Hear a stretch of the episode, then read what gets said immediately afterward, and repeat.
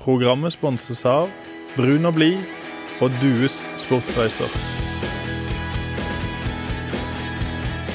Hei og velkommen til uh, fotballradioen. Program nummer noen og 70 er vi oppe i, Jesper. Og i dag er vi i et nytt studio, i et nytt lokale, fordi at uh, Fedrelandsvenn de har uh, flytta fra et uh, lokale som lå i hvilken gate? Henrik Wergelands gate. Jeg er veldig dårlig på gatenavn. Jeg vet hvor Markens er, og så vet jeg hvor Dronningens er. Og nå sitter vi da på Torvet. Kristiansand har jo pussa opp hele Torvet. Det var mye styr og bråk før disse gravemaskinene ble rulla inn. Men nå er det blitt ganske så flott. Ja, du har jo testa skikkelig fjongt studio. Og du har testa parkeringshuset, som det jo var mest uh, bråk om. Åssen var det?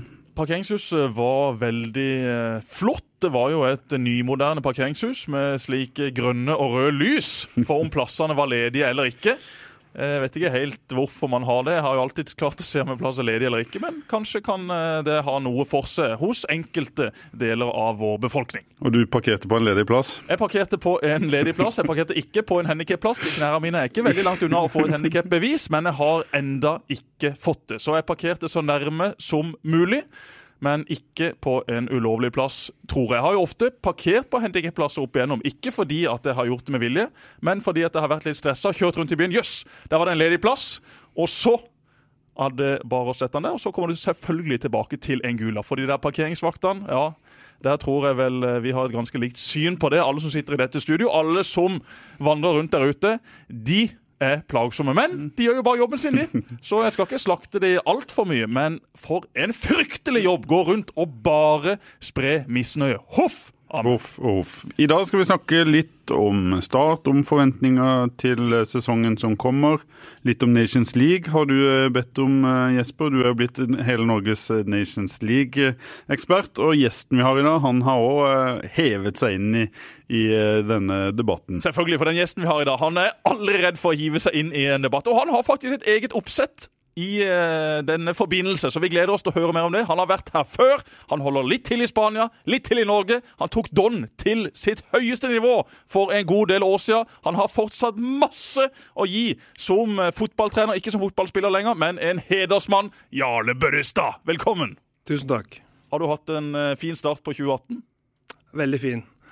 Det er, det er, helt strålende. 2018 blir det, blir det beste året så langt. Og Nå skal du snart ned igjen til uh, Spania for å få litt varme og for å kanskje få sett litt uh, kvalitetsfotball? Ja, altså enkelte kristiansandere har jo hytte på Hovden. Jeg har hytte i Spania.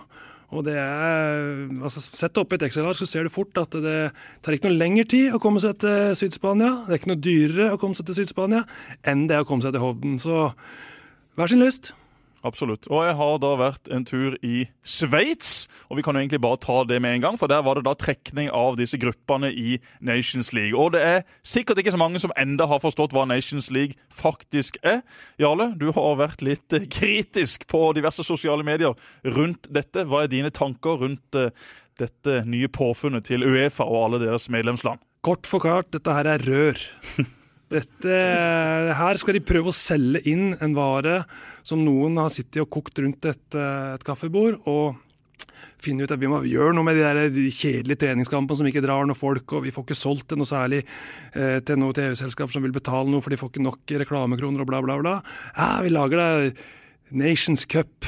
Eh, jeg finner ut at det heter Nation League, da, så jeg kom et steg videre, men Nei, det er noe rør. Og, ja, men Er ikke dette bedre enn å ha disse ufattelig lite interessante treningskamper? Jo, Det er det, men det er sånn, OK, vi gjør det litt bedre, tenker Uefa. Hvorfor ikke gjøre det fantastisk mye bedre? Så nå har vi VM hvert, altså hvert fjerde år, vi har EM hvert fjerde år. Så vi har jo annenhver sommer, så er det bare å sitte og vente på neste sommer, for det er jo så kjedelig! Det er, det. Det er fryktelig. Det er fryktelig. Kunne heller hatt en kvalik-EM det året alle de lagene som da ikke er blant de beste, som ikke er direkte kvalifisert, inn. Kjør en eh, kvalik-EM. Har vi noe å se på, glede oss til. Kanskje reise til et eller annet land vi ikke har vært i før, og så se noen fotballkamper. Nei, Dette kunne vært gjort på en veldig, veldig interessant måte, og de har valgt å gjøre det på en uinteressant måte, sånn som jeg ser det. Ja, og jeg må jo eh, være litt uenig med Jarle Børrestad her. fordi at eh, treningskamper for landslag det er blitt så ufattelig lite interessant. Du har klubber som betaler mer og mer til sine spillere.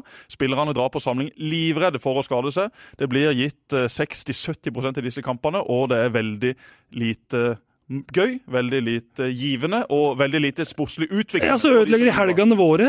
Vi må, vi må hoppe over helg. Er fryktelig kjedelig. Hva skal vi finne på? Nei, det er akkurat det. Det er helt sjanseløst. Ta en tur til Spania. Ja, men det Ta seg en tur til Svalbard. Et eller annet, men ikke det uansett. å se på privatlandskamper. Det er veldig kjedelig. Oh, Nations League, veldig kort forklart. Det er altså 24 lag som skal til EM. 20 lag blir kvalifisert gjennom den vanlige kvaliken som vi kjenner fra før. Ti grupper, to lag direkte til sluttspill fra hver gruppe. Den kvaliken spilles i 2019. I høsten 2018 da spilles altså Nations League-gruppene. Norge de er på nivå C. Der blir det da delt opp i fire grupper. Norge er da i gruppe med Bulgaria, Slovenia og våre venner på Kypros. Hvis Norge vinner denne gruppa, så er de kvalifisert til å bli med i et playoff som skal spilles etter den vanlige kvaliken, og da i mars 2020. Altså et par måneder før selve sluttspillet skal avvikles. Hvis da Norge vinner den playoffen mot de tre andre gruppevinnerne fra nivå C, ja, da er vi faktisk rett og slett med i et sluttspill, selv om vi mislykkes i den vanlige kvaliken. Skal vi kvalifisere oss gjennom den vanlige kvaliken, ja, så går plassen f.eks. fra Norge til det nest øverst rangerte laget. Men betyr det at hvis La oss si at et av de andre lagene da, som når denne playoffen, kvalifiserer seg til uh, sluttspillet før playoffen, da, sånn som du skisserte eh, nå. Hva skjer da? Da blir det slik at den beste toeren fra nivå C vil vippe opp og få den plassen. Så selv om Norge skulle ende som nummer to i si gruppe, men ha OK målforskjell og OK poengfangst, så vil det kanskje være muligheter til å bli med i dette playoffet i Nations League Børrestad, som spilles i mars 2020. Og tenk så enormt spennende det kan bli! Tenk å sikre seg en plass bare et par måneder før selve sluttspillet. Ja, vi kommer til å slite med å booke hotell og fly fordi at det er sikkert fullt i alle disse byene som EM i 2020 skal spilles, men vi tar det vi får her i, i Norge. Ja, det er en ekstra sted, sånn lottokupong som du kan, kan eh, måte kvalifisere deg til å få før kvaliken. Ja, det er sånn flakslodd, ikke sant? Du ja. skraper, så har du den der lille sjansen Ja, og det, er jo, det kan bli spennende. Kan ja, positivt til det. Men hva skjer? Altså, fordi at Du har jo også en sånn Nations League for gruppe A-lagene, som jo er de beste lagene, som da spiller en sånn cup, som jeg vil kalle det da. Eh, mot bedre lag for at de skal få god matching og gode kamper. Der skal det også være en kvalik innad i gruppa A. Men, eller playoff. Ja. Og så går alle disse gruppe A-lagene inn i vanlig kvalik, hvor de da møter Røkla, som er fra gruppe B, C og D. Ja, ja, ja. Og så går jo sikkert de fleste A-lagene videre derfra. Så kan du da ha en gruppe uh, hvor du da har playoff-lag som alle er kvalifisert. Ja. Hva skjer med de playoffene? De playoff-lagene hvor alle er kvalifisert, da må det fylles opp fra f.eks. nivå B. For der vil det være en del lag som ikke har kommet seg til sluttspill. Så hvis samtlige lag fra nivå A i Nations League kvalifiserer seg gjennom den vanlige kvaliken, ja, da må det fylles opp med lag fra nivå B.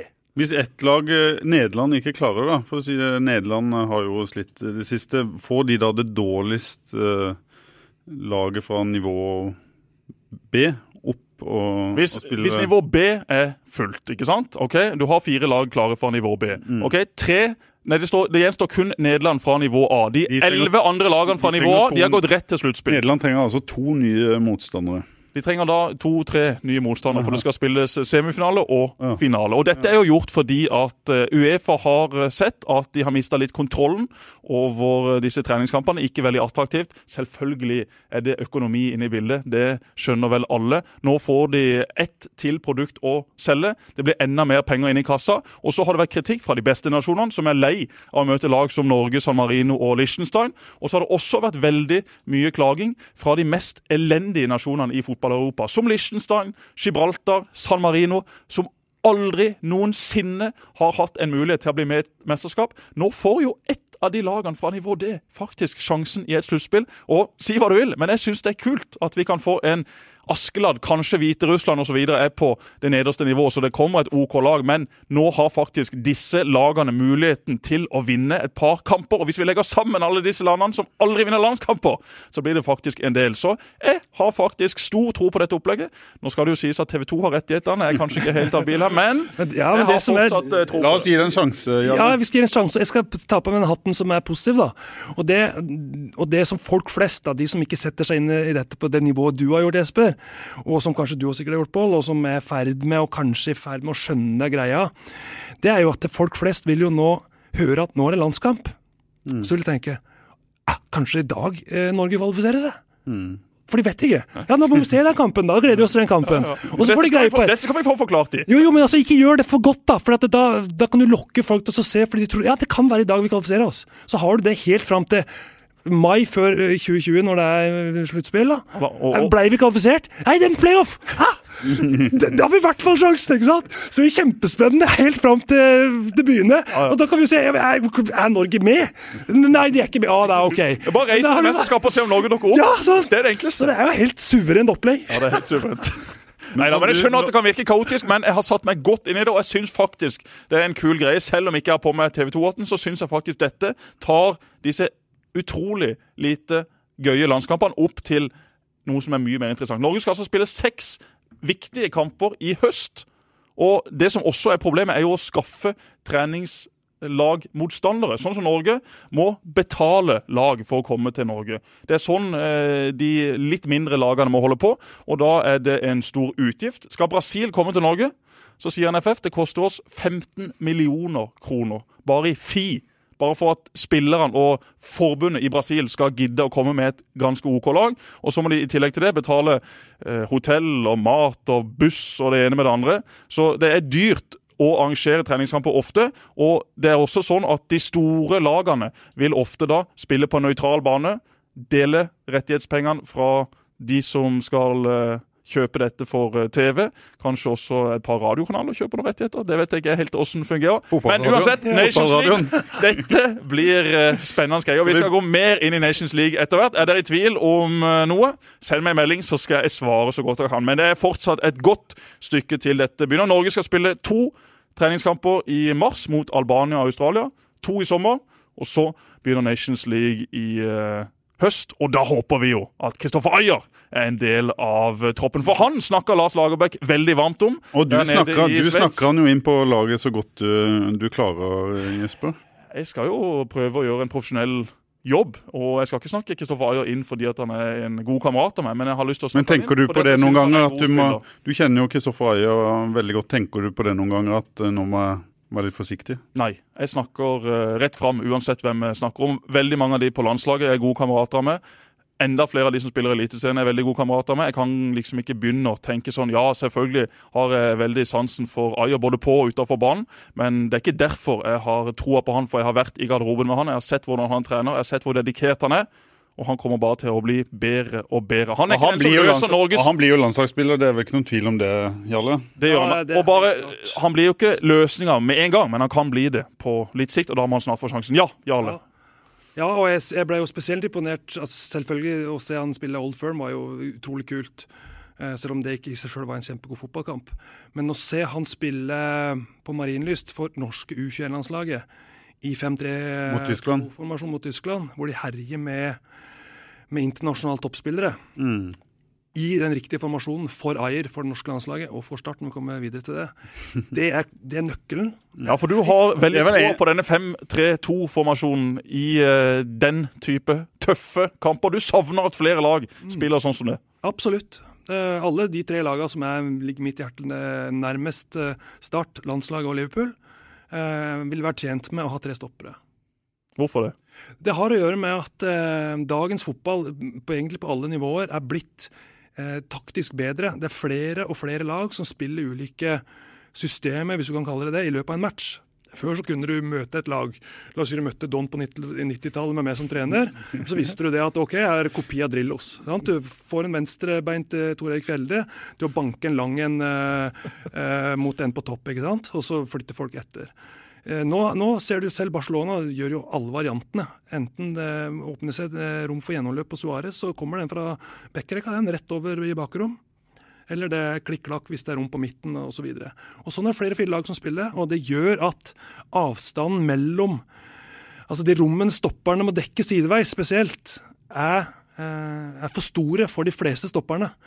Er du, er du det beste laget utpå der, altså hvis du har en sånn 50-50-situasjon, eller du er bedre enn motstanderen, så klarer de fleste seg med, med to stoppere. Med en gang du er litt underlege, hiv på en ekstra stopper, og du tetter helt igjen. Se hva Fløy gjorde. Spilte 5-4-1 mot, eh, mot Start. Start kommer nesten ikke til muligheter. Se Crystal Palace nå sist hjemme mot, eh, mot Liverpool. Det er i 94. minutt at de hiver opp van Dijk og slår en langpasning til han. største sjansen Liverpool får i stanga fra Firminio.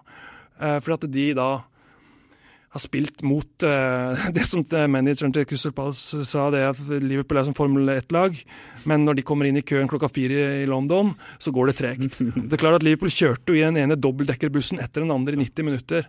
Da må du ta route one, da, korteste vei til mål. Løft ballen over hele bussen, og så inn og krig bak og se hva som skjer. Men det handler jo eh, ikke, ba, ikke, bare om, eh, om, eh, stoppere, da. Men eh, det, det, kreves jo, eh, hvis du skal spille med tre stoppere, så kreves det jo litt spesielle egenskaper fra de, de stopperne som spiller ja. der òg. Jeg tror at uh, de dyreste fotballspillerne i fremtida, det blir den sentrale stopperen i en trestopperlinje. Som blir en, blir en slags åpenbaring av de som husker uh, Beckenbauer. Som, som, ligger og egentlig gjør som akkurat som han vil, eh, sier fra når han vil ha kula, spiller kula kort når han vil, spiller kula langt når han vil, men så blir en sånn mannskapsfyrer som styrer spillet. Og der, der, kan vi gå tilbake til Ayer. Jeg har sett en del klipp av han fra, fra Skottland nå, hvor han åpenbart skal ha den rollen. Utfordre midtbaneleddet, ta seg forbi ledd ved å bruke fart. Jeg anbefaler alle som hører på, å gå inn altså, og søke på Ayer. Der eh, det er en som har klippa sammen røyda til Ayer, og se farta og, og måten han behandler ballen på når han går gjennom ledd. Det er jo det som kan bli unikt med Kristoffer Ayer, hvis han får det til. For det ser jo helt fantastisk ut. Ja, og Han passer jo veldig godt i måten Celtic spiller på, som spiller med tre stoppere. Og Ayer også skryter jo veldig av hvordan Rogers vil spille fotball på denne måten. Det er mange som forbinder 3-5-2 eller 5-3-2 med litt destruktiv, kjedelig fotball, men det trenger det jo absolutt ikke være. Det er bare en tallkombinasjon, og det kan gjøres på tusen forskjellige måter. Men han kan jo brukes som en boksåpner, han.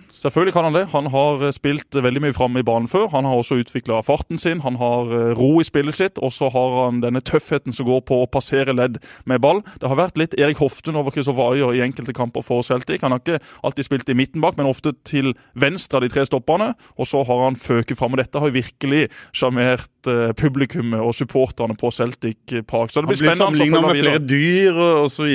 når han uh, gamper fremover der. Ja, han gjør det. Han er tenåringen, altså. Husk han er tenåring. Han er det. Ja. Men vi kan ikke skryte mer av Jan nå, for han sitter og hører på dette her røret. Og når du var inne på den YouTube-videoen, så har jo garantert Kristoffer Ayer vært inne og sett den x antall ganger, så vi kan trekke fra iallfall 10% av de avspillingene og bare adressere de til Ayers leilighet i flotte Glasgow. Men det er jo sånn, og Vi skal avslutte, men det er jo sånn at du får en sånn wow-opplevelse når du ser disse klippene. Utrolig kult at det er en nordmann som som blir der. Og den kampen mot Tyskland, der hadde jo Ta på den ene sida. Den tyske midtstoppen som sleit fælt med i hvert fall eh, Ødegård og hans makker i Heerenveen, Thorsby. Ja. Mens Ayer hadde jo full kontroll på disse tyske spissene. Ja, så skal det sies at uh, det norske U21-landslaget har historisk sett gjort gode kamper i Drammen på dette kunstgresset. Det, så det blir ikke helt rettferdig å eh, skulle ta disse kampene for eh, god fisk heller. Men ja, Ayer var god mot eh, Tyskland, og det var det flere andre norske som var. Så gøy å se på dem når det virkelig klikker på det kunstgresset. Men det blir en annen type fotball, også for disse tyske store stjernene som da kommer til ei hard, litt dårlig gressmatte. Da er nok også de, litt som vi var innom privatlandskampene i stad, litt redusert med tanke på dette som går på motivasjon, og dette som går på å ta all altfor mye risiko med tanke på disse skadene. Men vi må bare gjøre ferdig Liverpool også, for det er sikkert mange som følger med på engelsk fotball og Liverpool. Du er en eh, stor support supporter, tilhenger. Du følger iallfall veldig godt med. Hva er dine tanker rundt Coutinhos salg, og ikke minst van Dijks ankomst? For å ta det siste først. Eh, jeg mener jo at van Dijk er for dårlig i det defensive. Han, han beviste jo det med å ha tre elendige klareringer som førte til skåringa. Eh, nå i sist, da. Men han er jo et monster av en stopper. Han er jo nesten like høy som du, Jesper. Sikkert nesten like god i lufta også.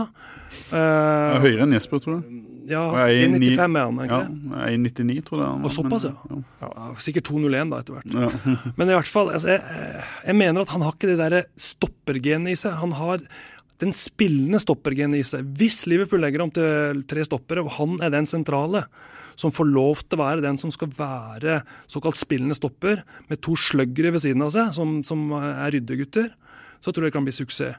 Hvis ikke, med to stopper og han som en av de, så tror jeg ikke Liverpool har løst problemet sitt. Men Kan ikke han bli en kanonstopper, selv om han kun spiller med én makker? Hvis makkeren har de kvalitetene som, som, han mangler, eller ser du ikke på han som en spiller som kan bli god nok i den delen av spillet? Hvis Liverpool da skal opp og vinne titler, det er jo det nivået alle Liverpool-supportere håper at de skal komme på. Ja, jeg, jeg, tror, jeg, tror, ikke at det løser seg kun med å putte uh, van Dijk som en stopper av to. Fordi at han er for lite bevegelig sideveis. Han har for lite det derre ja, nå skal jeg inn der og, og rydde skikkelig opp. Han har spilt to kamper nå, en cupkamp og en seriekamp. Og i begge kampene store spørsmålstegn ved den defensive jobben, sånn som jeg ser fotball. Ronny Deila plukka jo fra hverandre van Dijk i fjor når han spilte i Southampton. Jeg vet ikke om noen så det. Ronny Deila som har trent eh, van Dijk, så han var altfor lite ærgjerrig. Han har altfor lite punch i, i forsvarsspillet sitt. Han går ikke ned og takler. Han han uh, ofrer seg ikke nok til å være forsvarsspiller. Så han er akkurat inne på de tinga Jarle snakker om her. Og, og, det er litt sånne ting som kanskje er vanskelig å se for, for folk. De ser ballbehandlinga, de ser han vinner alle hodeduellene han går opp i pga. størrelsen. Men han har knapt skitten på shortsen. Du får mye for 700. Mm. Du får mye for 700 millioner. Coutinho, da? Et stort uh, tap, som du ser det, eller kan man, leve, kan man klare å leve uten? Eh, har, statistikken viser jo at uh, Liverpool lever greit uten uh, Coutinho. men det er jo litt tåpelig statistikk, spør du meg. Men, men, men tallene viser For sånn statistikk kan du snu og vende ja. på akkurat som du vil. Det er jo ikke noe tvil om at for Liverpool, mot de beste lagene i England, i Europa på sikt, så vil selvfølgelig en spiller som Coutinho være savna. Ikke kom og fortell meg noe annet. Nei, nei, selvfølgelig. selvfølgelig, Og, det, og vi savner han allerede. Nå så han debutert i går for, for, Barcelona, fikk vel 20 minutter eller noe. Og, og, går jo bare rett inn i det klikklakkeriet som de holder på med der rundt Messi og, og Suárez. Men du får mer din type fotball nå, da, Jarle, med en uh, Oxlade Chamberlain inn, som er mer sånn direkte spiller, ja. som kan være veldig effektiv? Ja, men dessverre så, så, har, så mangler Klopp systemet, altså Da snakker jeg om de som han har rundt seg, for han fordeler arbeidsoppgaver. Og de, de som har ansvar for det defensive, det er jo ikke Klopp sjøl. I mitt hode de har ikke det som skal til for å vinne sølvtøy. De har alt som skal til for å vinne hjerter, og vi underholdes jo hver eneste gang. og Selv om man ikke er Liverpool-fan, selv Mathisen, som satser alle vinflaskene han har på at United er bedre enn Liverpool, eh, elsker jo å se Liverpool. Ja, det gjør jeg. Men er det en, er det en spilletype de, de, mangler? Vi må snart bli ferdig med Liverpool. Ja. Er det en spilletype de, de mangler, eller? Utrolig En sjef på midtbanen, er det ja, på en måte det du, du savner? Jeg, jeg, savner en plan B, først og fremst. Hvis vi kan se at, eh, at gutta rundt Klopp eh, blir flinkere til det der og så sier OK, nå leder vi 1-0. Vi endrer kampbildet. Vi kjører ikke bare tut, tuter og kjører på. De har prøvd jo litt, men, men, men det ligger ikke i ryggmargsrefleksen hos noen rundt det laget å gjøre det. Og, og Premier League er for er for, er for, god kvalitet, rett og slett, til at de kan vinne sølvtøy eh, på den måten. Dessverre. Det er bare Så, City som kan spille sånn? Ja, men altså, de har jo ikke vunnet noe enda de heller. Det er tredje året til Pep, eller andre. Men i år så er de i ferd med å vinne alt, da. Ja. Uh, med mindre uh, de går på en kjempesmell. Det, det, skjer jo ikke i Premier League, men det er jo ikke så gitt at de vinner Champions League, f.eks. Absolutt ikke, men Premier League den kommer de til å vinne. Ja, Start fløy begynner å bli en god stund siden, men vi må innom den kampen òg, for det var en veldig skuffende forestilling fra våre venner i gult og svart. Kampen mot Don var solid mot et uh, elendig lag, men tap mot Fløy i Sørlandshallen. Er første gang Start taper i Sørlandshallen på hvor lenge, tror du, Jesper? Ja, Det må være veldig lang tid. Jeg har jo sagt at jeg kan kun huske én kamp som Start har tapt med relativt toppa lag, og det var mot Aalborg for en uh, hel haug av år siden. Jeg har uh, nesten aldri tapt der ute, tror jeg. Og jeg var ikke med i denne kampen mot Aalborg. så det å da Du var ikke med på fredag heller? Nei, jeg var ikke med på fredag. Det var jeg ikke.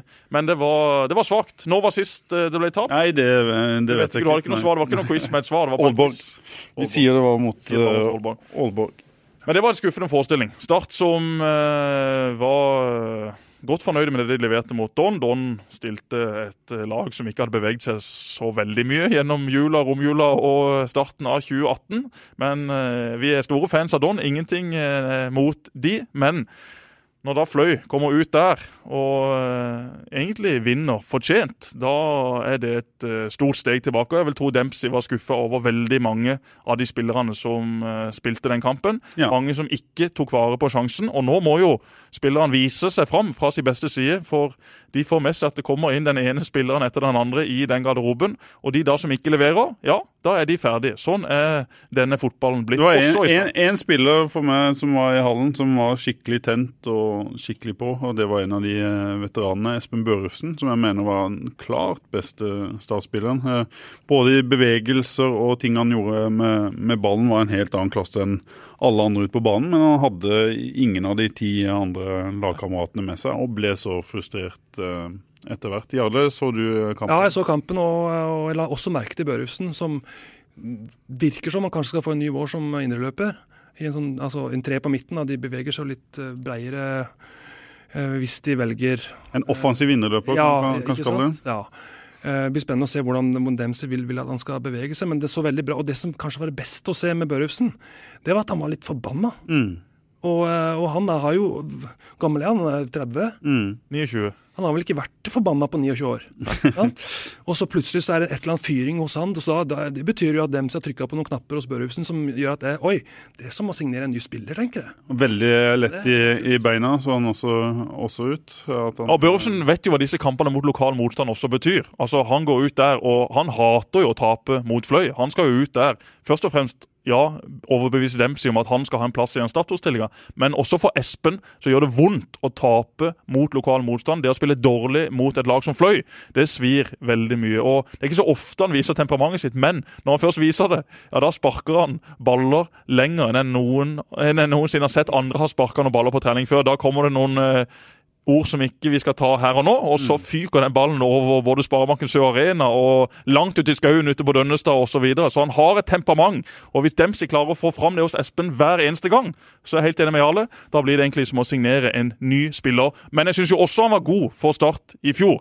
Espen leverte virkelig mål, målgivende pasninger, og var vel kanskje den som var mest stabil av eh, alle spillerne som eh, leverte og ga Start et opprykk. Eh, Det er helt enig. Vi kåra han jo til, til årets spillere i start i fjor. Men eh, det som kanskje kjennetegner han litt òg, er at han ikke er en eh, sjefstype. Han er ikke den som kanskje tar mest av de andre. Så jeg tror jo òg med eh, bedre medspillere så vil han få et eh, skikkelig løft. Vi husker jo når Start tok eh, sjetteplass i Eliteserien og når han slo gjennom. Han var jo meget bra, i hvert fall i enkeltkamper da, og har et veldig høyt eh, høyesterenivå. Så hvis han bare får gode lagkamerater rundt seg, så kan han s- spille med på styrkene sine òg.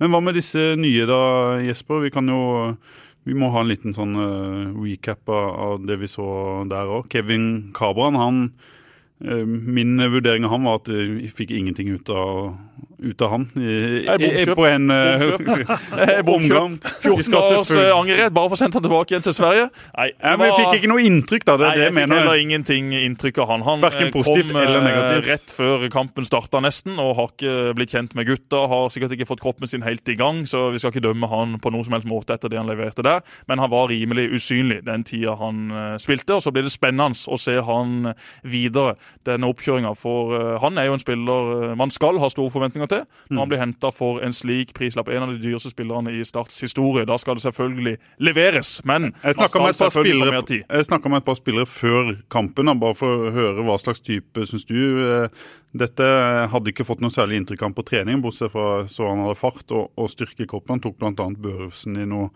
dueller på trening hvor han klinka til og så veldig sterk ut. Og da fikk jeg av noen at eh, dette så utrolig bra ut. At eh, ja, det er sjelden de har hatt en spiller som kommer utenfra på trening med det nivået som han har. Så det ble sagt på forhånd, så det blir jo veldig spennende å se da når, når han kommer eh, inn i det. Fikk du noe ut av han, eh, Jarle? Fikk du sett noe? Nei, ikke nok til å si noe fornuftig om det. Det er litt for tidlig for min del. Jeg følger jo ikke treningen sånn som du gjør, eller dere gjør. Men eh, si to ting om, om akkurat det som har skjedd så langt. Det er jo at eh, det virker jo som om de som sitter på pengesekken, har trua på disse unge, lovende svenskene spesielt, som de kjøper. Uh, og så er utfordringa blir de litt for like. Uh, har vi fortsatt mangel på den derre Williamson-typen. Han som kan eh, kriges inn og bukke inn et par mål og vipper riktig. De mangler jo uten tvil uh, målskåren. Det er greit at en kan si en skal satse på, på Floki som et oppspillspunkt og kanskje som spissen, men han mener jeg har klare svakheter i, i spillet sitt. Veldig god rettvendt og innlegg fra boksen, men feilvendt har jo han vært eh, helt naken, syns jeg, siden han, han kom. At han skal brukes som noe oppspillspunkt, da syns jeg ja, Det syns jeg faktisk er litt uh, skremmende, at de ser på han som, som den type. For jeg syns han stort sett mister ballen når han er feilvendt. Det blir spennende å se. Men en annen ting i forhold til at de taper mot Fløy. Uh, og de taper sin første kamp Sørlandshallen på veldig mange år. Mm. Uh, så må vi minne hverandre på at Hiring for your small business? If you're not looking for professionals on LinkedIn, you're looking in the wrong place. That's like looking for your car keys in a fish tank. LinkedIn helps you hire professionals you can't find anywhere else, even those who aren't actively searching for a new job but might be open to the perfect role. In a given month, over 70% of LinkedIn users don't even visit other leading job sites. So start looking in the right place. With LinkedIn, you can hire professionals like a professional. Post your free job on linkedin.com slash people today. Start har vært et av Norges beste lag mellom januar og april de siste sesongene. Mm. Og et av de dårligste i Norge mellom, april, nei, mellom mai og, og Mm. oktober. Helt Hvis vi kan snu den trenden, så er vi på riktig spor. Så da tar vi gjerne et tap til eller to i Sørlandshallen, og så knekker vi temaet Absolutt. og Start har jo tapt i Sørlandshallen før, men ikke når man har toppa laget. Det var jo en del bytter også mot uh, Fløy, så uh, ja, det var ikke toppa lag i 90 det. minutter. Skal ikke legge for mye i den, men Dempsey ble skuffa over Ja. det han så. Vi må Det si li- litt om òg. Vi var i gang med de, de nye. Tjom heter han kanskje. Tjom, ja. Tjom. Uttalelsen er riktig der. sånn, ja.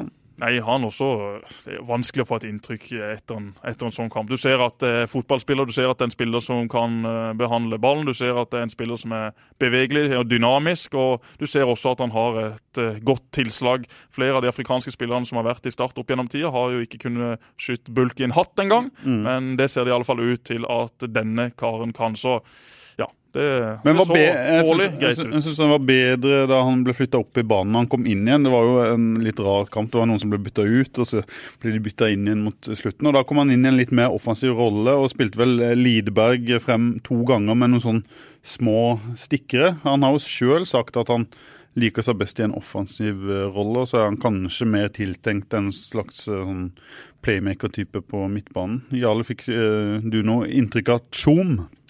Ja, eh, jeg kan egentlig sette to streker under det, det dere sier på dette. eh, I tillegg til at det, det er for lite og for tidlig til å si noe fornuftig. Mm. Men, men nå sitter vi her og skal mene noe om ståa sånn som det er her og nå, og da, og da blir jo det eh, blir jo det å, å gjenta meg sjøl at jeg, jeg syns det ser For meg så ser det ut som eh, den mest spennende og kanskje beste spilleren Start har, det er Tobias Christensen. Ja. Altså, jeg føler ikke det er noen som er ved siden av ham engang. Uansett hvilken posisjon han har på banen. eh, Det må være første mann han setter opp i en elver eh, for Start.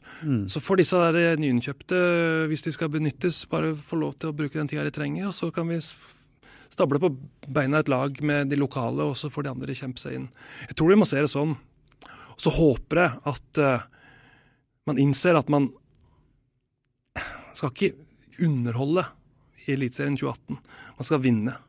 At det ikke blir sånn der krav utenfra om at ja, hvis ikke Start spiller makrellfotball fra 11. mars Men tror du det Så- blir sånn etter de åra vi har hatt her eh, nå? Ja, historie har en, eh, en tendens til å gjenta seg. Og, og nå kommer Tromsø ned for å mm, åpne serien mot start på Sør Arena 11. mars, er det ikke det? Ja.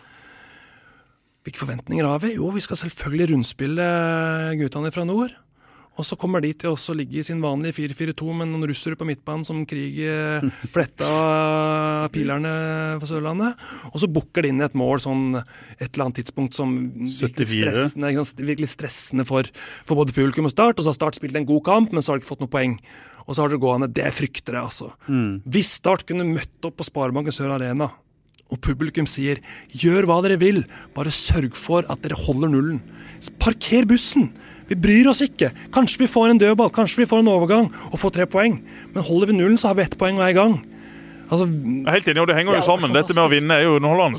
Ja. Og det er klart Så lite kamper Start har vunnet på det øverste nivået de siste årene, så vil det Hvis- det å vinne bare hører, være kjempegøy. Hvis det er noen som hører en lyd her, så er, det, er vi ved siden av en tannlege. Nei, Det høres ut som eh, Egon Olsen er på vei gjennom veggen. Han eh, dirrer og borer. Men eh, vi får bare snakke videre, vi, så får vi håpe at eh, det er ganske OK lyd uansett. jeg tenker de som har vært her nå de siste to-tre åra. Har hatt det sånn daglig. Oi, oi, oi. Det går Ja, ja. fint. Det går fint. Men nå er altså Start reist til Spania, og i går leste jeg årets morsomste artikkel. Fordi at eh, Øyvind Evjen med sin drone ble snakka til av politiet. Det var like før han endte opp i kasjotten der nede. Og han da måtte blitt eh, sendt hjem til Norge. Men eh, han har jo da i eh, de siste to årene hatt en drone som han har flydd over Sparebanken Sør Arena for å filme treningene. Det var Steinar P og Andreas Jensen som begynte med dette via Øyvind Evjen. Det er jo egentlig et veldig fint eh, påfunn, for du ser eh, hva slags eh, formasjon laget ditt ligger i. Du ser veldig greit hvordan folk beveger seg. Og så har de da tatt opp dette på diverse spillemøter i etterkant. Evjen hadde med seg den drona til Spania. Har jo fått seg et sertifikat i Norge hvor han har lov til å fly denne drona, men i Spania der var det langt strengere. Og da nytta det ikke å komme med Evjens norske, norske sertifikat. Så det var egentlig en uh, morsom greie, for jeg ser for meg hvordan den diskusjonen har vært. Evjen, som ikke er verdensmester i engelsk, disse spanjolene som kan enda mindre engelsk. Og så hadde du da også Stats nye oppmann Rune Hægeland, som er enda dårligere enn Øyvind Evjen i engelsk. Så jeg er veldig spent på hva slags språk det ble kommunisert. Det var nok mye kroppsspråk, håndbevegelser, Det og det så ut til å løse seg til slutt, Det ble vel skrevet i saken at en eller annen radiojournalist fra en lokal eh, radiostasjon der i, i nærheten av Alicante som var innom treninga, som da eh, opererte som eh, tolk. Sikkert spennende, spennende samtale. Veldig spennende. Men eh, strengt med droner i Spania, ja, har du lagt merke til det før, eller var dette en nyhet også for deg? Som, eh, Ja, hva skal, skal jeg si om det? Altså, Politisystemet i Spania er jo todelt. Altså, du har eh, Policia Local, som da er det lokale politiet, og så har du politiet nasjonal, som da er det ordentlige politiet. Så er det noe sånn Guardia sivil? er det er ikke politiet, det, eller? Nei, det er, vel en, det, det er vel en av de lo- Ja, altså selv det der lokalpolitiet er ikke utdannet politifolk. Altså, De har gjerne gønnere og full mundur, men det er, det er vekterutdanning. Og mange av de jeg skal være forsiktig med å si for mye rart, men mange av de har jo et sånt I utgangspunktet så har dere en uh, macho holdninga som De er maktsyke, det var det ordet og du tillegg så er det eh, inn i en posisjon hvor du får en eh, var det ordet du skulle ha, maktsyk, Janne? Ja, og de, de, har, de bruker enhver anledning til å misbruke det. Det, ja, det er det jo mange i Norge som også gjør. Ja, absolutt. vi Men, snakker, men regelverket er nok om det, der. men det er enormt med maktsyke mennesker som har den type posisjoner. Som man skal sitte der på sin høye hest og sveive rundt seg med pisken og bare revansjere seg for et eller annet bittert de har opplevd tidligere i livet. Men jeg skal være glad for at ikke det ble taua inn, for det er helt normalt. Er ja. Rett inn i bilen. Også. Det hadde vært en kjempesak. Ja. Da hadde han gått Så- viralt. I hvert fall i Norge. Så, men det ble jo filma, så det kan jo være at de holdt seg litt tilbake pga. det. Eller i hvert fall foto var jo der. Men uh, Tatt med seg Hegeland og Evjen i, inn i politibilen. Det hadde vært noe. Det hadde vært noe. Det hadde vært noe. så uh, kanskje neste gang at de er heldige. Muligens, muligens. Men Tobias Christensen får også ta ferdig, han. Altså, han har tatt eh, steg denne eh, vinteren. Han eh, er sulten. Er ikke det litt for tidlig å si, da? Jo, men, jo, men altså, se, se, på trening og i kamp, jo da, det er tidlig Ja. å si. Men han tar jo steg hele tida. For Ja. han er så sulten, han er så treningsvillig, og han er hele tida i utvikling. Nå får han også en viktig rolle for Mark Dempsey på et eliteserielag, som i seg sjøl vil være et stort steg for han. Mm. Så vi skal ikke eh, hylle han som en ferdig fotballspiller. Fortsatt veldig mye å lære. Mot Fløy så var ikke Tobias i nærheten av det nivået som man håpet han skulle være på. Men det vil svinge med en så ung spiller. Han må bare få all den tilliten han vil og skal ha. Så Mm. vil han bli en kanonspiller for Start de neste årene. Og så vil Start kunne få solgt han for x antall millioner til en utenlandsklubb. Men du ser for deg han, han som en fremtidig landslagsspiller, at han er et sånn et uh, talent? Kan bli det. Men uh, det er ikke bare bare å slå seg inn på det norske A-landslaget. Han er jo veldig, han er jo veldig, veldig lik uh, Martin Ødegaard. Jeg tror sånn eh, og, og Tobias og andre norske talenter de er egentlig ganske heldige at eh, de har hatt eh, Martin Ødegaard der. sånn at eh, de får utvikle seg mye mer stille og rolig enn eh, Hadde Tobias kommet før Martin Ødegaard, så hadde han jo blitt hylla som et eh, supertalent, hadde han ikke det? Jo, men jeg tror ikke vi skal sammenligne Tobias og, og Men de er like spillestil, venstrebeint, Tobias er eh, fattigmanns Martin Ødegaard Ja, ja. på mange områder. Men. Martin Ødegaard var 15 og gjorde nøyaktig som han ville i Norges øverste divisjon. Han spilte på det norske A-landslaget før han kunne kjøre scooter. Altså, Han var på det nivået. Mm. Det er ikke Tobias. Men Tobias kan bli en kjempegod fotballspiller, også for Norge, Mm. en gang i framtida. For han har noe med seg, og han har det i øynene, han har det i mentaliteten. Du ser det på hele han. Også mot Fløy så ser du at ja, det var ikke alt som stemte, men det går ikke på at ikke han vil. Det går ikke på at ikke han var konsentrert eller motivert. Han ville virkelig ut og vise nok en gang hvor god han kan være. Og Dempsey elsker jo også den mentaliteten. Så Tobias kommer til å bli en meget god spiller. Det vet eh, alle som har sett han spille. Og så er det også spennende med Mikael Ugland, som nå også ble tatt ut i samme landslagstropp som Tobias, som også har noe med seg. Som eh, Har fått spille mer på det landslaget enn det Tobias har gjort. det har han, og han har levert eh, veldig godt der. Nå spilte jo han for Fløy, Mm. også mot, uh, mot Start. Og, og det kan godt være at et utlån til Fløy ville vært gunstig for han. Det å spille på et veldig godt andredivisjonslag, som Fløy kommer til å bli, kan være fint for utviklinga. Mm. Jeg jeg tror kanskje han kunne faktisk eh, En eh, litt svakere Obos-ligalag tror jeg han hadde kanskje hatt godt av. Men, Absolutt, men må men det å flytte ut Da må han flytte, og ja. kan han ikke plutselig trene med Start, og så har ikke Start den samme kontrollen Nei. på han. Nå har altså Start en samarbeidspartner Jerv, som er i Obos. Mm. Og så har man et tett og nært bånd til Fløy, som Mm. er i andredivisjon. Og så har man x antall tredjedivisjonsklubber i eh, området. Så nå, nå har man liksom muligheten til å plassere eller leie ut spillere til disse Send han til klubbene. Fløy. Send han til Fløy. Nå har jeg, al- nå, hvis jeg kan putte inn på det i forhold til han Kristiansen Uh, Jeg har aldri snakka med han. så- Tobias. Tobias, ja. Christensen. Christensen. Ja. det- Magne Kristiansen. Han var ingen stor fotballspiller, men det er en hyggelig kar. I hvert fall ikke per 2018. Uh, men han, for meg så ser det ut som han spiller med en sånn naturlig selvtillit og noen albuer som gjør at han eh, eh, kommer til å komme veldig langt pga. det. Du ser mange spillere som har de samme ferdighetene rent teknisk, taktisk, eh, forsvarsmessig, angrepsmessig. Men den derre det der i øynene, de der øynene på han, Mm. det er litt sånn der er riktig observert. eh. Zlatan-ish Ja, det er akkurat det. Og jeg sa det med en gang han kom inn i garderoben. De første treningene var jeg på. Han er her, han blir noe. Ja, De der blir ingenting. For du ser det på dem med en gang. Tobias Christensen gir blanke Han Det er gir det. selvtillit. Ja, Også, han har han null respekt for noen. Gi meg ballen. Jeg skal utfordre han. Ja, Jeg skal ta ballen fra han. kan Start spille sånn? Kan Dempsey si OK, Tobias, du får den rolla der sånn, hvor, du, hvor vi ikke er så sårbare om du skulle glippe defensivt. Du gjør hva du vil. Gutter, hvis Tobias vil ha ballen, så gir dere ballen til Tobias. Tobias styrer dette. Hva, kunne det ha gått an? Mm. Men det er jo litt han ikke ikke så god? Jo, men det er jo litt det han har gjort nå, men han har jo ikke gjort det i en rolle der de skal spille han fri eh, offensivt og komme rettvendt mot en backfirer, der han jo som er drømmerollen, en sånn tierrolle. Han har jo brukt det mye mer defensivt, der han er nede og henter ballen fra fra stopperne og på en måte skal starte angrepet og bruke kreativiteten sin litt lenger bak på Er det, banen. er det fordi at han mangler en som er god nok i den rollen? At han Ja, men bruke- se hva Dempsey gjorde med Magnus Wolff Eikrem. Hvordan han brukte han i Molde som veldig samme type eh, spiller. Der han hadde en uh, bikkje ved siden av seg og hele tida styrte spillet. Var i midtsirkelen da, og, og ble en slags eh, playmaker. Jeg tror han har lyst til å se om Tobias kan funke i en sånn rolle. Men så har han jo ikke fysiske forutsetninger, kanskje den defensive kraften og tempo i beina til å dekke rom defensivt. da. Så da må han jo ha en som kan gjøre den jobben ved siden av, vinne ballen og gi den til Tobias. Det er enkelt eh, forklart. Og så må du ha de indreløperne som du sier, som kan, eh, kan også dekke rom defensivt, hvis Tobias skal brukes i en sånn rolle. Men jeg syns jo det er et veldig spennende forsøk, for da får du jo en, eh, en spiller som kan dominere kamper. da. Men jeg mener at det er bortkasta å bruke Tobias så lavt i banen. For jeg mener, Der må du ha spillere som er gode nok til å løse det sjøl. Det verste jeg vet, er når du har to-tre midtstoppere som ruller ballen mellom seg, og så dropper det ned en midtbanespiller på lik linje med de. Altså, Da må du jo først og fremst skaffe spillere som er gode nok der til å kunne diktere spillet bakfra, som Jarle var innom i stad. Hvis du har en stopper som van Dijk Men hvis eller du som ikke Arne- har det da, Da skal ikke hente van Dijk, det skjønner jeg også.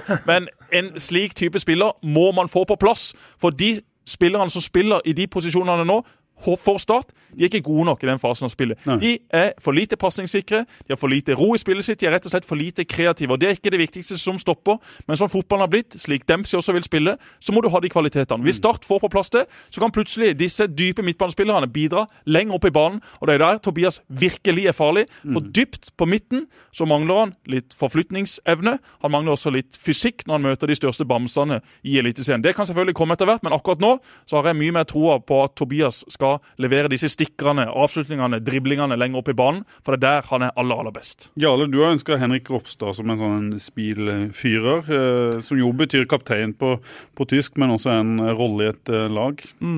Ja, altså av mangel på gode alternativer så ser jeg, altså Nå har jeg sett eh, Ropstad over veldig mange år og spilt mye, han har spilt mye futsal. Han har mye av den nærteknikken eh, som en trenger hvis en skal Men mangler han oversikt? Det er akkurat det, det taktiske. Når skal, ser du at nå kan jeg dra et ledd, nå kan jeg løfte meg, nå, nå kan jeg bruke eh, ferdighetene mine til faktisk å så drible som bakerste mann. da. Mm. Eh, en Ole Erik Martinsen på vigørnivå, ikke sant? Altså, Eller han som sitter her? Ja, eh, som aldri pga. knærne sine fikk muligheten til å vise det på det nivået som vi trodde han skulle vise det på. Mm. Han fikk vist litt, da. Ja, ja, men topp eliteserie så høyere enn det. Hvis ikke hadde ryket med, med knærne der inne. Men, men poenget er sant, kan han brukes? Eh, eh, kanskje. Eh, men da sammen med to andre, ikke med én, sånn som mot Fløy, hvor han hadde Larsen ved siden av seg. Men med to andre, hvor han faktisk får lov til å feile, men ikke mye. Altså, Du kan ikke feile mye. Du, du kan feile én gang, og så, så er du ferdig med å feile. Eh, men få dyrka en med litt sånn derre IF-holdning, som, som, som ikke tenker for mye konsekvens, men som er smart nok til at konsekvensene ikke blir for store. Har vi den spilleren i start? Jeg, jeg tror kanskje ikke det, men, Men det kanskje finnes han jo er nærmest. utrolig få av de i uh, Norge, da. Generelt den type Ja, og Det er utfordringa også til Start at nå har man såpass mange utlendinger at det å hente inn flere utenlandske spillere nå gjør jo at uh, enda flere kommer utenfor denne registreringa. Det kan kun registreres ni spillere, nå har vel Start 10-11 stykk. Mm. Så der ligger utfordringa. Det å få tak i en norsk stopper med det kaliberet vi snakker om nå. Se bare på de norske stopperne som er på A-landslaget. Mm. Ja, det er gode stopper det er eliteseriesammenheng, men det er liksom veldig få som er inne og kjemper om de plassene. faktisk. Vi har ei smørje med helt greie midtstopper, men vi mangler de klare enerne. Så når vi nå sitter og snakker om en stopper av dette kaliberet, så må du fort til utlandet. Mm. Og Der har jo Tor Christian Karlsen vist at han kan hente spillere før, og kommer nok til å gjøre igjen. Og det er ikke noe tvil om at Start jakter en stopper og en målskårer, som vi også var innom tidligere i, i denne sendinga. Kan Start få på plass det, som i tillegg til å være gode fotballspillere, er ledere, så begynner dette virkelig å se spennende ut. Men akkurat nå så er det et par hull som må fylles. Men kan, men kan, ikke, kan ikke dette dyrkes fram? Altså gjennom da eh, systemsforståelsen. Min tanke om tre stoppere gir rom for å dyrke fram den rolla. Hvis du har to stoppere og skal dyrke fram den der spillende stopperen, så er det så mye huller som, som på en måte feilene må rettes opp i, som blir skjebnesvangre. Jeg mener, hvis du, hvis du skal gjøre det med en av de, så må det jo være Damien Lowe, som har eh, fart, og som har vist at han har OK ball, eh, ballferdigheter. Jeg tror jeg vil jo heller mye mer gått den veien enn å, å prøve å omskolere Jeg har ikke sett low. eh, Mine øyne har ikke sett low. Men du liker navnet. Du liker Ja, love med dobbelt er jo kjempebra. Ja, det er det. Eh, det er jo dobbel lov, det. Det er dobbel lov. Men jeg, altså jeg, jeg, For meg virker har han mye sett- mer en sånn type stopper enn en som uh, Vi snakker om eh, van Dijk. At han er mer lik van Dijk enn Jamie Carragher, for å si det sånn. Tenk å ha fått van Dijk, da. Ja, altså, men Start jeg- Seier ha- ha- hadde jo hatt nok penger hvis de hadde gått inn i et lite spleiselag der. Ja, jeg tror Og man blåst det på van Dijk. Det hadde vært gøy, Jarle. jeg tror ikke det. For 3-5-2. Ikke- Hadde du kommet hver eneste gang på Sør Arena? Nei, jeg hadde nekta. Nei, men jeg, jeg tror ikke jeg får være uen- uen med det der, Pål. Jeg tror ikke Lov har- er god nok til det. For meg så ser touchet hans ut for å være litt for mye sponsa av Los. Ja. Eh, Øksetouch, er det ikke du som har kalt det? strømtouch eller øksetouch. Ja. Vi trenger mest sånn økser nå i og med at trærne faller. Andreas Henriksen, som du brukte i Don i, i dine dager, det er jo Nei, den beste stopperen beste stopper. på Sørlandet noensinne. La oss være enige om det. Ja, det er vi enige om. Hvor mange Altså- mål skåra han da Don var på sitt beste i løpet av en sesong?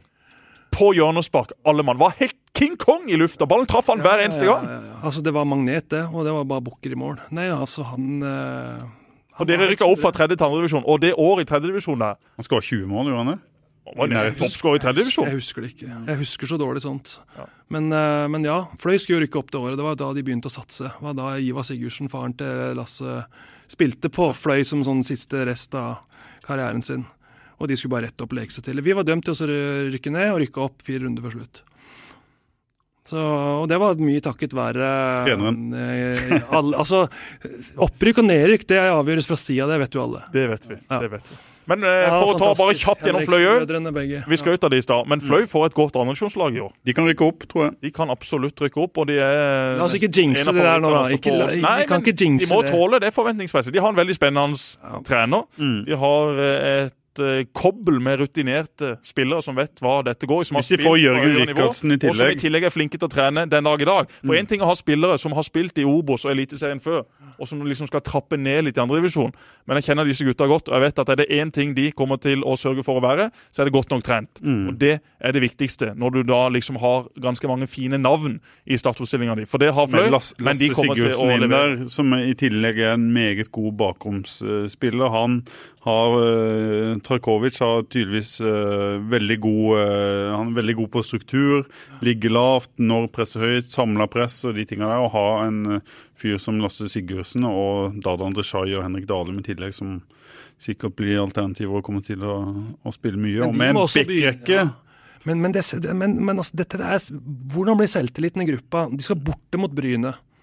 Sant? Hvis de også får en der Nå er vi så gode, vi har hatt så mange treningskamper, så, og nå skal vi bort, og nå skal vi ha, faktisk ha tre poeng på Bryne. Og så går det på en smell.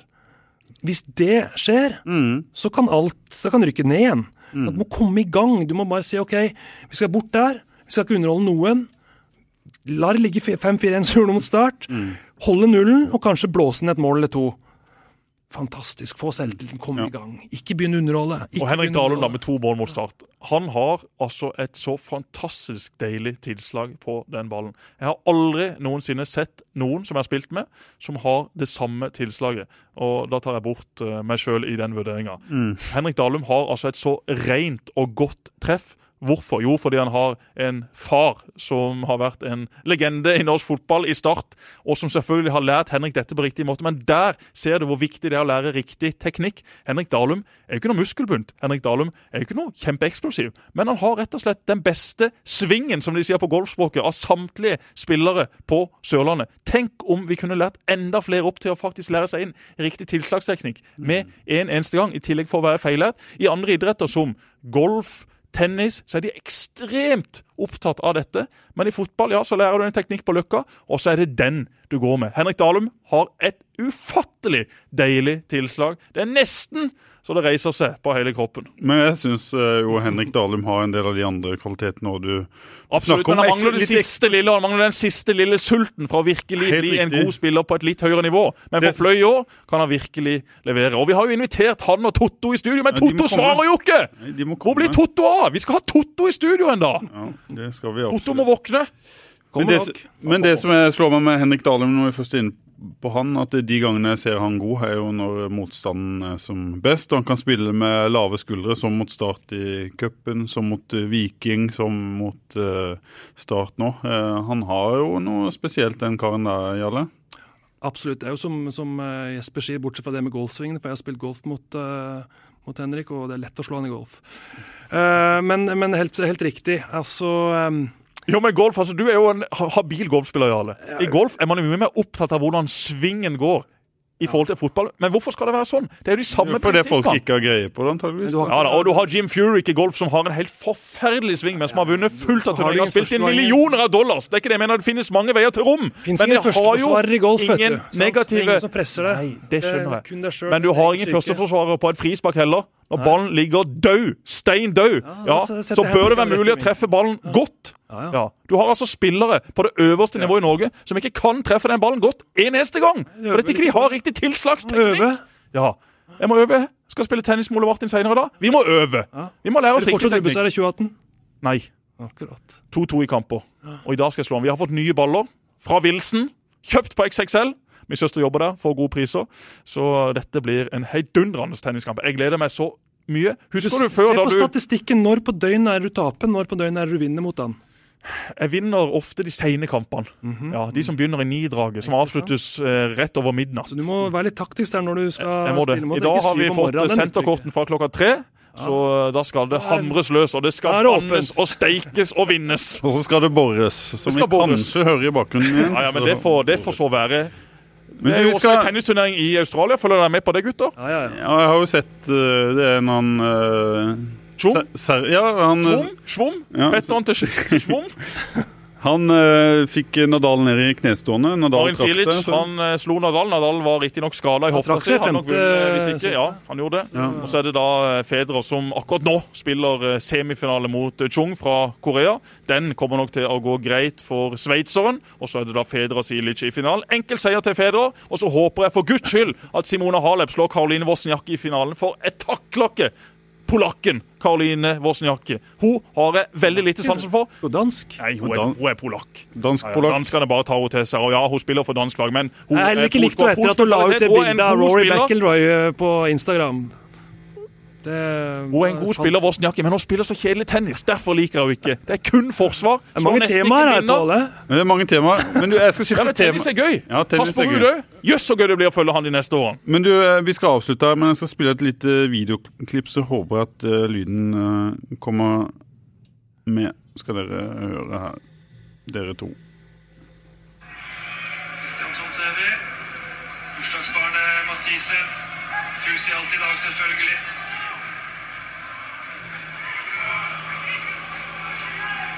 Se om vi får en eh, innøvd variant, eller om eh, Jesper Mathisen eh, går for kraft og prøver å presse den eh, ned under tverrliggeren. Skyter knallhardt.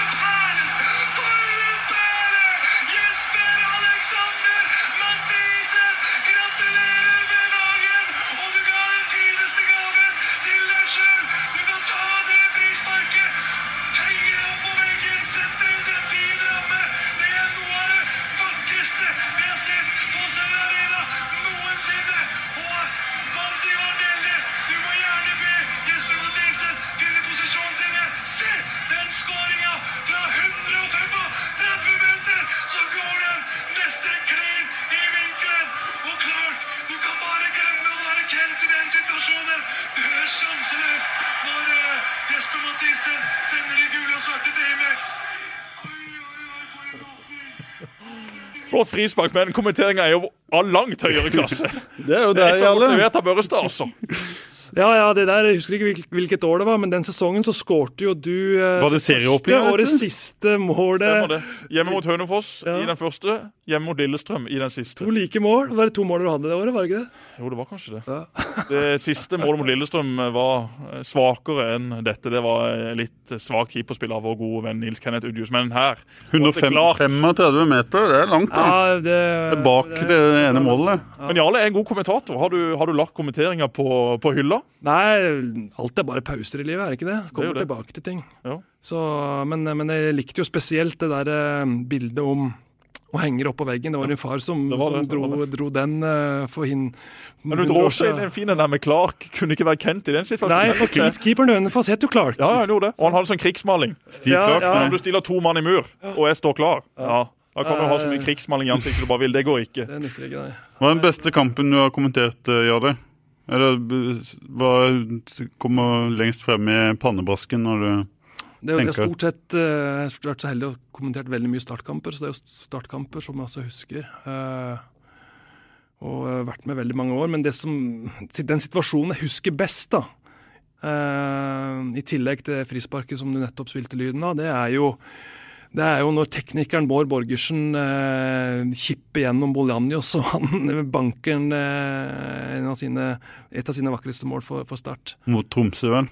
Det var kanskje Ja, det må være det vakreste målet han har skåret. Ja, han hadde et par frispark, men mottaket, hvordan han forventer seg tilbake og avslutter med feil fot i motsatt vinkel. Bård Borgersen vil vi si var ferdig skåra, tror du ikke det? Borgersen har snakka om det målet siden. Han tar jo veldig mye av kreden for det. Men det han egentlig prøvde på, var jo egentlig å slå han ut igjen til venstre kant. Og dette var jo Bård Borgersen sin trademark move. Alltid inn i banen. Og så vipper han ut til venstrekanten med sin høyre fot. Så her var det egentlig en litt svak pasning fra Borgersen. Du ser jo, Idet Borgersen slår denne pasninga, så er han jo så ubalansa. Ser ut som han akkurat har kommet ut fra karusellen i Dyreparken. Han holder på å gå rett i bakken, men pasninga blir jo rett og slett enormt god. Og når Borgersen skal vise fram sine klipp fra sin faktisk fantastiske karriere, så er dette et av de klippene som ligger aller aller fremst. I tillegg til et par skåringer for det norske landslaget. Borgersen, en legende for banen. Gøy å spille sammen med han. Utligning òg, som sikkert du kommenterte, uh, Jarle. Da Start vel skåra to mål på To minutter. lå under 0 På mot? Molde. Nei, hjemme mot Molde. Det var Stabæk, var det ikke Ja. Stabæk er det. Stabæk, Ja. Et godt Stabæk-lag. Lå under 0-2. Så var Borgersen og Bolanos de som eh, rydda opp den gangen slutten, også. ja. Det har vært mange store øyeblikk. Absolutt. Ja, men jeg er ikke enig i at eh, Borgersen hadde feilpasning der. Altså. Det var finte, tror jeg, at han skulle slå ut venstre. Så ja, det er meget, meget imponerende. Derfor husker jeg det så godt også. Og så må vi gratulere Amund Lutnes, en annen god eh, kommentator som har vært gjest her flere ganger. Han fyller 30 år. Oi, oi, oi. Og mandag, så vi sender våre gratulasjoner til eh, Lutnes. Men vi sier, da tror jeg vi sier takk for i dag. Så, så høres vi igjen eh, ja, kanskje neste uke. Håper det. Ja. Det hadde vært gøy. Jeg skal over og se eh, Tottenham United, faktisk, ja. til uka. Men eh, vi får svingt inn en episode. Får vi se. Sanchez debutere, eller får vi se han neste uke? Nå er jeg på Old Trafford og ser United Jeg tipper mot, vi får se han allerede i kveld mot uh, Juvil. Ja. Hvordan uttaler vi dette? Y-e-o-v-i-l? Ja. Jevil. Jevil. Vi får se han i kveld mot en uh, motstander av et litt uh, annet kaliber i FA-cupen. Men uh, han får nok sin debut, og jeg tror han skårer i kveld. Altså fredag kveld skårer Sanchez sitt første mål for United. Nå kan folk arrestere meg så mye de vil i etterkant, eller de kan gi meg litt ros. Jarle, takk for at du kom. Alltid hyggelig. Du kommer igjen når alvoret starter, så får vi se hva slags formasjon Dempsey velger. Spennende blir det. Forhåpentligvis blir det med tre stoppere. Forhåpentligvis. Takk for i dag. Programmet sponses av Brun og blid og Dues sportsreiser.